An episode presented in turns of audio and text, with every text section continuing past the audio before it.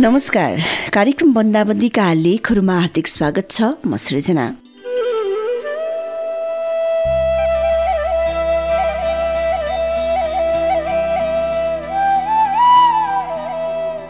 कोरोनाको संक्रमण दिनदिनै बढिरहेका खबरहरू प्राप्त भइरहेका छन्।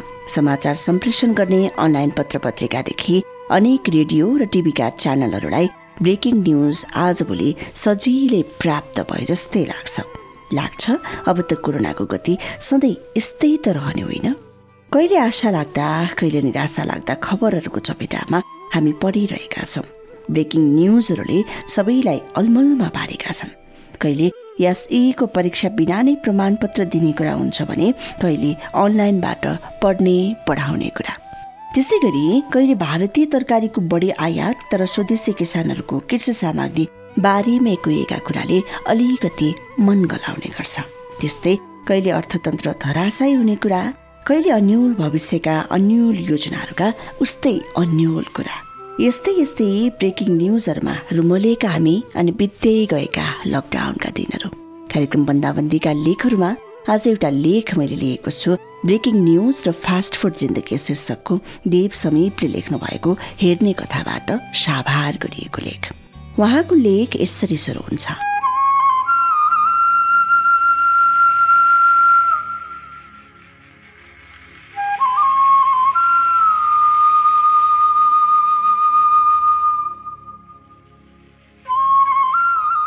संसारका मानिसहरूसँग असीमित चाहनाहरू हुन्छन् जसलाई प्राप्त गर्न दैनिक भौतारी रहेका हुन्छन्। मानिस मात्रै यस्तो प्राणी हो जो विगतभन्दा वर्तमान र वर्तमानभन्दा भविष्य राम्रो चाहन्छ। विडम्बना परिस्थिति सदाबहार एक नाश हुँदैन। कहिलेकाहीँ हिँड्दा हिँड्दै पाइलाहरू टक्क रोक्नुपर्छ। सधैँ एक नाश अगाडि बढिरहनलाई जिन्दगी घडीको काटा पनि होइन न कोरा लगाउँदै दौडाउने कुनै घोडा नै हो। मानिसले जीवनमा आइपरेका तिता मिठा अनुभवहरू सङ्घालेको हुन्छ र त जिउनुको मजा छ। टाकुराले भर्खरै आफ्नो शिरको हिउँ पुछेर घाम ताप्न लाग्दै थियो। समय गोरीले पत्कर बनाएर उडाइ लगेको आफ्नो पात हेरिरहेका रुखहरूलाई बसन्तले किस्ता किस्तामा केही पातहरू थपाइदिँदै थियो। चराचुरुङ्गीले मिठो सङ्गीत रियाज गर्दै थिए। दिउरालीमा आफ्नो पीडा सम्झी सम्झी न्याउली रुँदै थिए। कोइलीले नयाँ मान्छे देख्यो को हो को हो? भनेर प्रश्न सोध्दै थियो। आरू बखडाले नयाँ वर्षलाई स्वागत गर्दै थियो। लाले गुराँस ढकमक्क फुलेर वनपाखा सजाउँदै थिए। लाखौं विद्यार्थी यासईको तयारीमा जुटिरहेका थिए। तिनीहरूको मुटु तीन गुणा छिटो उफ्रदै थियो। सहर त आफ्नै रफ्तारमा थियो। मानिसहरू कति हतार छन् भन्ने कुरा काठमाडौँ मलबाट टोडी खेल वरिपरि गुडिरहेका सवारी साधनहरू हेरे पुग्छ। यति व्यस्त कि घरमा आमालाई फोन गर्ने फुर्सद थिएन। ब्रेकिङ न्युज र फास्ट फुड चाहिन्थ्यो हामीलाई। त्यही समय चिनको वुहान प्रान्तमा कोरोना भाइरसको महामारी फैलियो भन्ने खबरले सामाजिक सञ्जाल भरियो। कोही कुरै नबुझे पनि तर्सिन थाले कोही धेरै बुझेर पनि व्यवस्था गर्न थाले। विभिन्न तर्क वितर्कहरू हुन थाले। हाम्रो देशलाई खासै जोखिम छैन भन्थे सबैले सामान्य रूपमै लिएका थिए। चैत्र नौ गतिबाट नेपाल अधिराज्यभर यासई परीक्षा हुँदै थियो। म कार्यरत बालगृहमा पनि सातजना भाइ बहिनीहरू परीक्षाको तयारीमा जुटिरहेका थिए। एक्कासी चैत्र आठ गति बेलुका यासई परीक्षा स्थगित भन्ने मन्त्री परिषदको निर्णयले मान्छेहरूमा एक किसिमको त्रास सिर्जना गरिदियो। अब चाहिँ साँच्चीकै मान्छेहरू डराउन थाले। नेपालमा पनि भित्रभित्र सङ्क्रमित वात्तै बढेको रहेछ कि भनेर। त्यसभन्दा अगाडि त एकजनामा मात्र कोरोना सङ्क्रमण पुष्टि भएको खबर आइसकेको थियो। चैत्र दस गते बिहान हामी पनि आकस्मिक कर्मचारी बैठक बस्यौँ र लकडाउन अवधिभर सीमित कर्मचारी मात्रै बालगृहमा बस्ने बाहिर ननिस्कने बिहान दुध तरकारी लिएर आउँदा सेनिटाइजर प्रयोग गरेर मात्रै छिर्ने निर्णय गर्यौँ। हामीले पचासजना भाइ बहिनीहरूलाई मास्क किनेर दियौँ। चालिस प्रतिशत त घर गइसकेका थिए।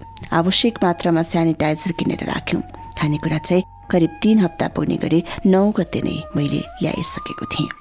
म पनि घरमै बस्ने भएँ तर म र एकजना दाई चाहिँ स्ट्यान्ड बाईमा केही भयो भने आइहाल्नु पर्ने गरेर। सुरुमा त यस्तो पनि हुन्छ जस्तै लाग्थ्यो। घरभित्र बसिरहन निकै गाह्रो भयो। फेरि यसको विकल्प पनि त थिएन। सबै कुरा बिस्तारै बानी हुने रहेछ। कोठामा त्यही बेला इन्टरनेटमा समस्या आयो। कम्पनीमा कति फोन गरे सम्पर्क भएन। टिभी हेऱ्यो लकडाउन कोरोना बाहेक केही छैन। मसँग केही मुभी ल्यापटपमा सेभ थिए त्यही हेरेर बसेँ। ऱ्याकमा पढ्न बाँकी पुस्तकहरू टन्नै रहेछन्। केही निकालेर पढेँ। कहिलेकाहीँ श्रीमतीसँग मिलेर खाना बनाउन थालेको छु।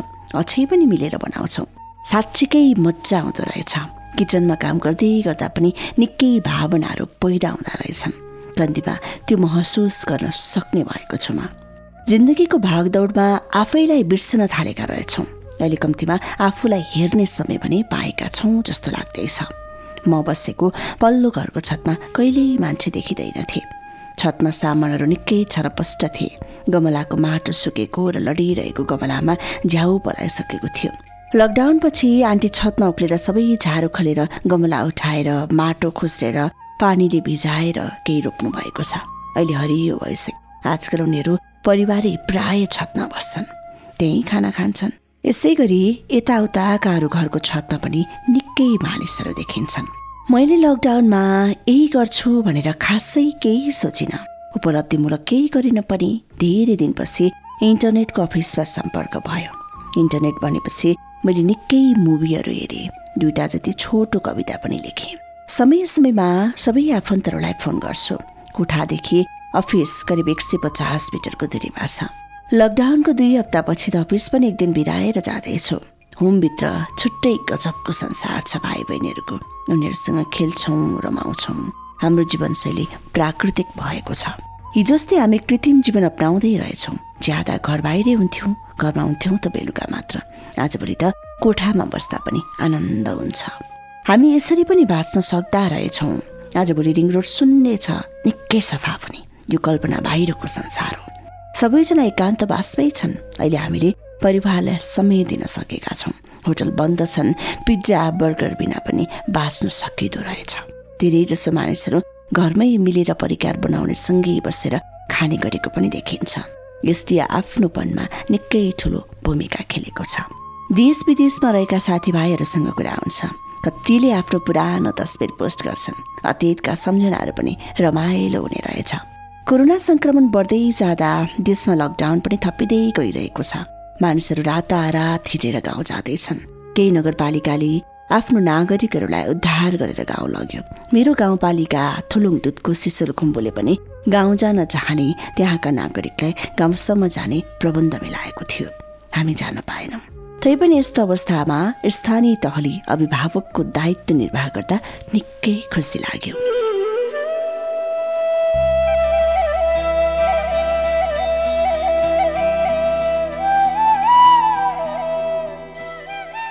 देव समीप सोलुखुम्बु हाल भने काठमाडौँबाट लेख्नु भएको ब्रेकिङ न्युज र फास्ट फुड जिन्दगीको।